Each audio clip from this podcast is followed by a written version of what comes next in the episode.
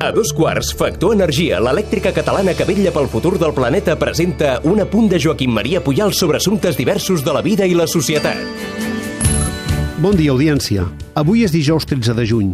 Com ja s'ha dit, abastament, amb els motius al·legats finals, ahir va quedar enllestit el judici del Suprem quan a les 7 i 2 minuts de la tarda el jutge Marchena va dir allò de «visto para sentencia». Tres paraules que tanquen 52 jornades de paraules dites des que va començar el judici. Avui parlarem de paraules. Els acusadors i els defensors han argumentat amb paraules eloqüents. Els testimonis han donat versions dels fets. Uns han parlat de cares d'odi, por, violència, barreres humanes, barricades.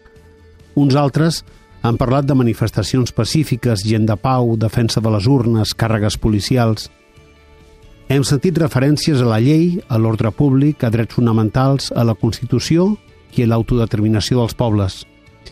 La web de la Corporació Catalana de Mitjans Audiovisuals en dona una informació detallada i destaca en un apartat cinc conceptes clau.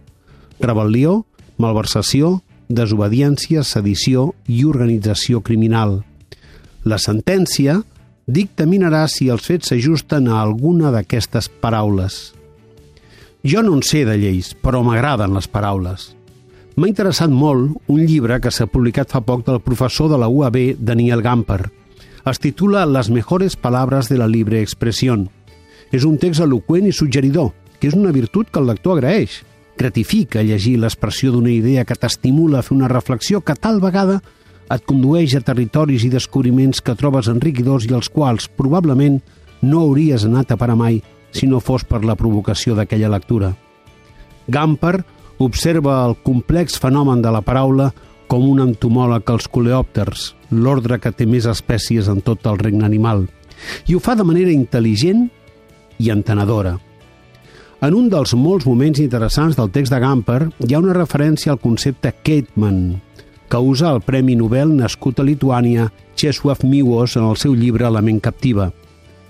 En el pròleg d'aquell llibre, el lingüista Guillem Calaforra escriu que el Ketman és una disjunció extrema entre allò públic, actuació, i allò privat, convicció, i suggereix que aquesta manera d'actuar també es pugui detectar fora dels règims autoritaris en els àmbits polític, confessional, científic o burocràtic, i ve a relacionar-ho amb allò que és políticament correcte.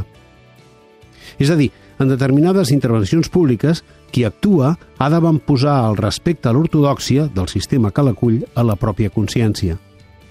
En una interpretació laxa del concepte trobaríem exemples diversos de ments captives en la societat actual.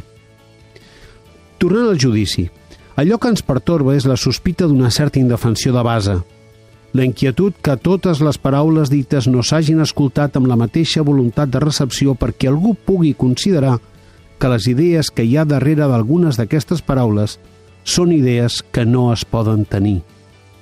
És a dir, ens fa por que les paraules que s'escriuran en el guió de l'acte final de la representació, s'escriguin quan s'escriguin, hagin d'explicar un argument decidit fa temps. Un argument que ens remet a principis essencials i destins universals. I que, per tant, qui hagi de jutjar els fets, sobre els quals l'opinió és lliure, en lloc de fer-ho amb la serenor de la pròpia consciència, ho faci amb la ment captiva per la idea de salvar la pàtria. La mirada d'en Puyal és una exclusiva de Factor Energia. En Manu, el Minimans, manis pels amics, no, ha contractat la llum a Factor Energia i no, no s'estalvia un 12,5%. Manu, contracteu tots la llum.